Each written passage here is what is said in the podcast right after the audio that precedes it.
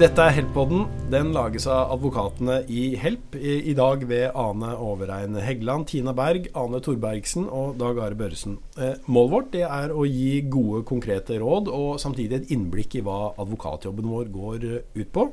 Eh, og en fin måte å gjøre det på kan være å ta utgangspunkt i en konkret sak. Og i dag så skal vi snakke om en skilsmissesak, eller ektefelleskifte. Ane. dette er din sak. Hva, hva må vi vite? Vi må jo vite For det første må vi jo vite at partene har gått fra hverandre. Altså, hva, hva, er utgangspunktet? Har de flyttet fra hverandre? Har de sendt inn begjæring om separasjon?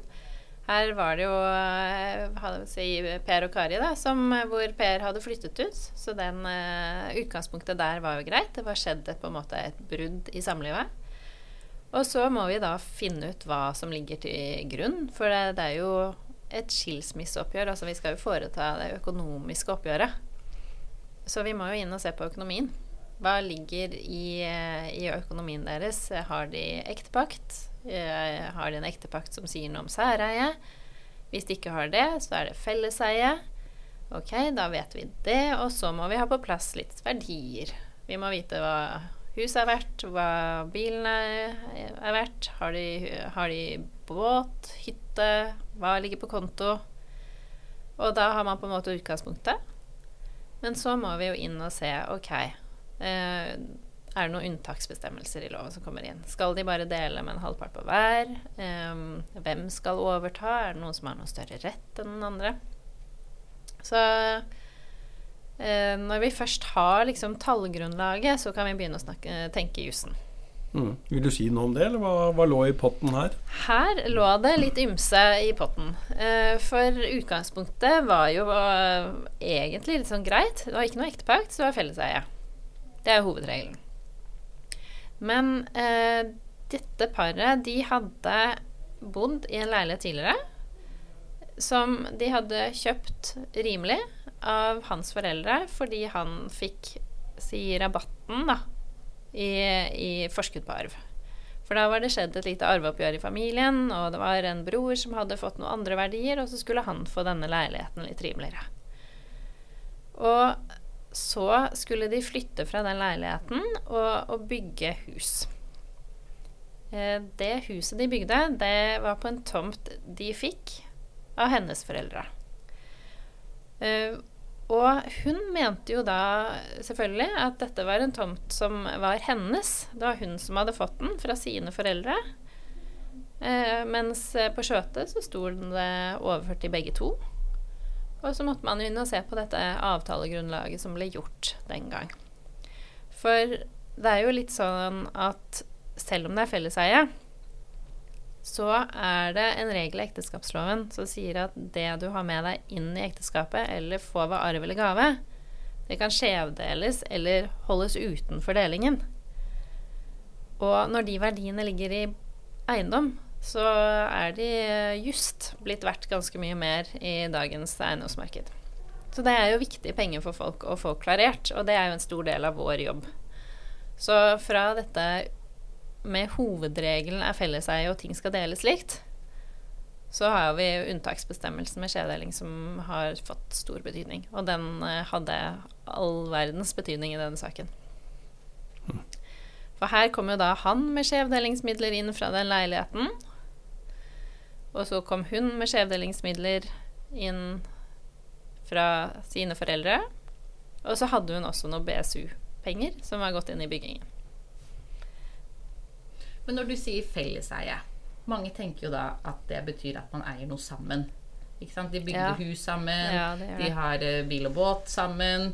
Um, men du sier felleseie skal deles likt. Og min erfaring er i hvert fall at folk ikke helt forstår det begrepet. Ja. Så kanskje vi skulle ta en liten opplæringsrunde på det? Det tror jeg er veldig smart. Fordi um, det, det, er et kjempedårlig begrep eh, å bruke i en lov. For det sier, bare det har det ordet 'eie' seg, så tror man at det har med eierforholdene å gjøre. Mm. Men det er jo en, en verdiregel. Eh, man snakker om eneeie eller sameie for det som gjelder reelt eierskap. Så betyr det at min bil, som jeg eier i ekteskapet mitt, at det er felleseie? Ja. Det betyr at bilen er din. Du eier den. Men verdiregelen i felleseie betyr at når dere går fra hverandre, på et eller annet vis ved død eller brudd, så skal verdien av den bilen deles i to. Og det betyr også lønnskontoen min og sparekontoen min. Alt som dere har etablert i løpet av ekteskapet. Med mindre man lager ektepakt om noe annet. Så min leilighet, min bil, jeg er karosseri og stolene og sånn, men verdien av den, den eh, er jeg nødt til å dele. Mm. Mm. Ja. Det er jo fordelen og ulempen med å være gift, alt ettersom. ja, Men, men uh, hvordan uh, vil dere andre gå til angrep på denne saken her, da? Man må begynne å kartlegge ting, da. Um, du nevnte innledningsvis her at det var, gitt, var et gaveelement i denne leiligheten som de kjøpte av hans foreldre, var det? Da blir jo spørsmålet hvor mye var gave? Og det kan jo være veldig vanskelig å finne ut av. ikke sant? De kjøpte den for én pris, men hvor mye var den egentlig verdt? Og det, hvis det er langt tilbake i tid, så kan det jo være nesten umulig egentlig å finne ut av hvor stort det gaveelementet var, da, med mindre man hadde noe avtale eller noen nedtegning på det, da. Um, men det er jo på en måte kanskje litt der man må begynne, da. Ja, for det er jo sånn at um, opplysninger sånn hvis du er i bank eller eiendomsmegler, så ligger det i ti år. Det er oppbevaringsplikt på ti år. Og folk driver jo ikke og takserer eh, boliger og uh, fast eiendom sånn yt og gevær.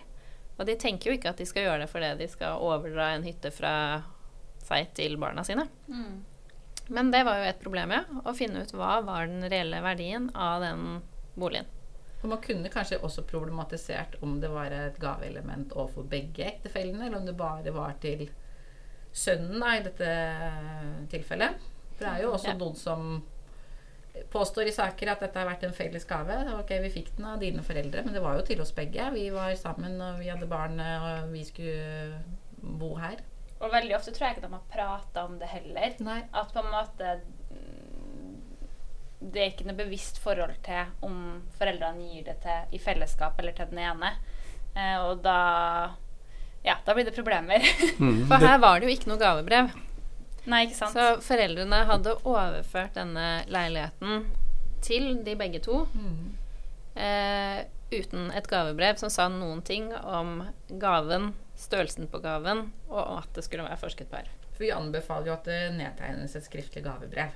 Mm. Så slipper man diskusjoner om det i etterkant. Jeg vil jo tro at det er ikke helt uvanlig at uh, dere står oppe i sånne problemstillinger som dette her. Hvis det ikke fins noen skriftlig dokumentasjon da, på om gaven var til én eller begge, hvor ender man da? Nei, altså man må jo Vi er jo advokater. Vi skal argumentere for det vi mener er rett, mm. eh, og det, som er til det beste for vår klient. Mm. Men da må vi også finne frem til den dokumentasjonen. Vi må jo ha noe dokumentasjon å vise til.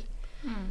Eh, så Var man ikke det, så det blir jo en konkret vurdering i hver enkelt sak. Eh, men den usikkerheten påvirker jo også hvordan man ser på saken som helhet. Altså, det er jo større grunn til å forhandle om en løsning der man ikke sitter på dokumentasjon. Og det, det vil jo kunne påvirke også advokatens råd i en sak om, uh, om fordelingen. da. Mm. Ok, jeg hører hva du sier, men du har ikke noen dokumenter på det, så det kan bli vanskelig hvis man ser for seg at man skulle gått i retten med det. Altså, du ser jo da, Hvis motparten står steilt og ikke vil imøtekomme dette kravet, så, så ligger det i ekteskapsloven at det er den som hevder å ha et skjevdelingskrav, som må dokumentere det. Og hvis de ikke gjør det, så skal man falle tilbake på likdeling.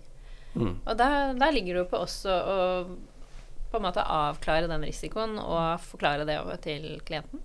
Mm. Et ikke fullt så vanskelig problem er kanskje å fastsette hva mm, leiligheten omtrent var verdt på gavetidspunktet. For da, hvis man snakker med noen erfarne eiendomsmeglere, så fins det jo noen registre, jeg vil tro også statistikk over hva tilsvarende leiligheter gikk for i den perioden. Så det er kanskje mulig å finne et slags eh, anslag på, da. Ja, men det er vanskelig når man ikke har leiligheten heller. ikke sant? Her har jo de solgt en leilighet for kjempelenge siden, så det er jo ikke noen megler som kan gå og se på den og vite hvordan tilstanden den var i, verken når de fikk den, eller når den ble solgt, på en måte. Mm. Så det, det blir sikkert, en statistisk ja. beregning da, basert på ja. tilsvarende salg. Og den, uh, statistikken funker jo veldig fint på generiske leiligheter i store byer, men kanskje ikke så bra på litt mer grisgrendte strøk der det ikke har vært så mange omsetninger av tilsvarende boliger. Mm. Men der vil jo også ofte meglerne ha en lokalkunnskap ja. som, eh, som, gjør at de kan sette en cirkaverdi også tilbakepris. Da. Tilbakepris, tilbake tid. Mm. mm. Så det er jo ikke noe fasitsvar, men det er jo det vi kan komme med. Mm. Og sånn er det jo i ektefelleskiftesakene. Det er ikke alltid noe fasit. Og det er det også viktig kanskje at partene er klar over. Ja, for veldig mange kommer ut til oss og på en måte legger fram noen tall, og så sier de hva er svaret? Jeg vil ha et tall å forholde meg til. Hva er det jeg skal ende opp med i kroner og øre mm. etter det her oppgjøret? Og da må man jo bare si at det er ikke noe fasitsvar. Um, det er nok mange som synes det er litt vanskelig å forholde seg til, da. Men mm. uh, sånn er det jo bare. Mm. Ok, eh, nå er vi så langt. Nå har vi fått en del kompliserte eh, opplysninger om denne saken. Hvordan nøster vi så videre? Jo, altså Vi nøstet litt i den saken med leiligheten eh, med bakgrunn i at da broren hadde fått et tilsvarende oppgjør. Så de kunne vise til at det hadde vært et oppgjør altså At de hadde hatt på en måte et møte med disse i familien hvor de hadde blitt avtalt hva som skulle være forskuddet, og hva broren hadde fått av tilsvarende verdi. Så der på en måte kom vi til eh, hva som var på en måte avslaget han hadde fått. Det kunne jo kanskje også tilsi at det bare var sønnen som hadde fått gaven, hvis broren ja. hadde fått Nettopp. la oss si 400 000, da. At det ikke var en gave til begge. Så det var jo det vi anførte der, at da var det jo en gave til han, for ellers så ble jo på en måte han mm. avskåret for arven som, mm. som, broren hadde fått. Mm. Så det aksepterte jo motparten litt sånn motvillig etter hvert. Og så var det jo å følge disse pengene inn i dette byggeprosjektet. For de har jo da gjennom tre kontoer og så en byggekonto. Eh, noe var blitt kjøpt eh, direkte på byggvarehandelen. Eh, så det, det var ikke bare bare å følge de pengene. Men eh, det store problemet lå nok i, i denne tomta. Eh, for eh, hun eh, Kari her, hun hadde et ønske om å beholde den boligen. Og eh, hun var nok også kanskje avhengig av at hun hadde et størrelse på dette skjevdelingskravet for å klare å overta den boligen. Og da var det jo veldig viktig for henne å, å få det skjevdelingskravet i tomta eh, godtgjort. Så der sto egentlig dragkampen ganske eh, hardt. At, ved, at motparten av Kari mente at dette her var en tomt som hun hadde fått. Mens eh, Per, som mente jo at han ville jo aldri gått inn i et byggeprosjekt for han ikke visste at han eide, eide grunnen. Bygge bolig på annenmannsgrunn, er det det man egentlig hadde gjort da, i så fall? Ja. Hvis han ikke eide noe av tomten? Og det var jo ikke blitt snakket om. Eh, og han sa, mente jo at på sin side at jeg ville jo aldri gjort det, hadde jeg visst at det var, eh, det var tanken. Og når det står på meg i skjøtet, hvordan, jeg, hvordan kunne jeg ha fattet at det skulle være sånn? Ja, for halve tomta var et tinglys på han også. Mm. Ja. Så um, der ble det jo en del sånn Det ble skapt litt usikkerhet. Det ble, det ble argumentert frem og tilbake. Og verdien av tomta er jo faktisk uh, ganske stor. Uh, for uh, de hadde jo bygd eh, og ta, tatt opp et ganske stort lån for å bygge det huset. Mm.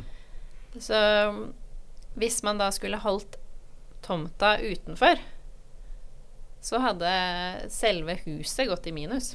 Mm. Men hvordan forklarte hun eh, at eh, begge var eh, tinglys som eiere, hvis, var, hvis hun hevdet at hun eide tomta alene? Ja, det var, tenkte hun at det var bare en formalitet som faren hadde gjort. Det var hele tiden sagt og ment at dette skulle være en gave til henne. Og det var bakgrunnen for at de liksom hadde bygd der, da, var at hun hadde fått en tomt. Mm -hmm. Vanskelige vurderinger, da. Veldig vanskelige vurderinger. Og det kom jo til det punktet hvor man står litt sånn Hun min mener det, han mener det. Og så kommer det til OK, skal vi gå videre med dette her? For det man står steilt, ingen gir seg, ingen, uh, ingen, på en måte møter den andre. Og så må man da enten ta, må man ta en fot i bakken, og så må man si OK, skal vi gå til retten med det, eller skal man prøve å forhandle? Og da er det jo skapt argumenter og motargumenter på begge sider. Eh, og partene er jo da forhåpentligvis klare og liksom hvor saken står på egen, på egen sak. Eh, og her eh, ble det jo forhandlinger. Klart Jo mer usikker saken er, jo større grunn til forhandlinger. Fordi da er det en risiko for begge parter. Og det er jo også selvfølgelig en uh, påkjenning om gå i retten. Uh, man har et samliv bak seg, kanskje felles barn. Så forhandlinger er jo et fint sted å begynne, i hvert fall. Det er jo ikke alltid man kommer i mål med forhandlinger. Men eh, man plikter jo faktisk å forsøke å løse saken i myndighet før man bringer en sak inn for retten. Ja, og så tar det lang tid, ikke sant, fordi kapasiteten til ja, det kan jo være dårlig kapasitet, sånn at saken kan komme opp på mange mange måneder. Sånn at på en måte man er jo mer tjent med å få en avklaring, og så kan man på en måte fortsette livet begge to. da, ja. Og vite hva man skal forholde seg til. Ja, det går jo mye raskere å få en av avklaring. Og så kan man jo da styre avklaringen. Hvis det mm. er kjempeviktig for han å ha med seg ut uh, en sofa, som egentlig begge eide, mot at hun fikk litt mer Altså da, man kan jo mm. tilpasse det som er spesielt viktig for de, de partene man har på bordet. Du eier jo løsningen ja. i forhandlinger, mens i retten er det en taper og en vinner. Mm. Og én har vurdert saken sin feil. Og det er en taper og en vinner, og det er, det er penger som ligger i potten. Mm. Ja, Du får ikke skreddersydd en dom, men du kan skreddersy et forlik. Mm. Aner vi da at det ble en forhandlingsløsning i den saken her? Det ble en forhandlingsløsning, og her eh, kom de faktisk til den løsningen på egen hånd. Ja, Så de prata uten advokatene, dem, da? Mm. Ja, ikke sant. Mm. Da hadde de på en måte godgjort saken, og så tok de skjønte de på en måte at her må vi prøve å komme til en løsning. Vi har felles barn. Dette her skal fungere i mange år fremover. Mm. Eh, og så kom de fram til en løsning som gjorde at hun klarte å beholde boligen. Mm. Og han ble da kjøpt ut med en sum. Og det tenker jeg jo på en måte mm, Vi advokater er jo ikke alltid så konfliktdempende, heller det motsatte. Fordi man skal jo ivareta eh, sin klient sine interesser. Og det vil jo advokaten på andre sida også gjøre. Og da blir det steile fronter og kan være vanskelig å finne en løsning. Så hvis det er mulig at partene prater sammen eh, på den måten de gjorde, så tenker jeg at det har veldig gode grunner for seg. Jeg syns jo det er egentlig kjempehyggelig at de faktisk klarer å diskutere seg frem til en løsning på egen hånd. Mm. Og at de klarte å gjøre det. For det er det ikke alle som gjør. Nei. Samtidig så hadde de fått klarlagt saken, da. Ikke mm. sant? Altså den ja. var eh, ferdig argumentert. Og mm. da har de også mulighet til å ta et standpunkt i forhandlingene på et uh, godt grunnlag. Mm. Ja, de, de, så litt sånn best case og worst case mm. på hver sin side, og visste at uh, løsningen uh, Hvis den går i retten, så er det liksom én som vinner på, og én som taper. På, og så er det kanskje rimeligere at løsningen ligger et sted mellom der. Mm. Og folk er jo som regel villige til å gi fra seg noe i verdi for å slippe å gå i retten. Og det er jo det man gjør gjerne med forlik, at man har gitt og tatt litt. Og det, den um, belastningen der å gå i retten har også på en måte en kroneverdi mm. som du kan forhandle om i, um, mm. i diskusjoner om et forlik. Mm. Og de her hadde jo barn, så de må jo forholde seg forholde seg til hverandre i fortsettelsen. Ja, og det var så, små barn, så ja. det, det, var jo ikke, det var jo ikke bare en, et par år de skulle samarbeide om dem. Så det er mm. klart det, Og det var jo ikke så stor plass heller, så de ble boende på. Å klare å ha, samarbeide med de om de barna i mange år fremover i tid, det er sikkert en kjempeverdi. Mm.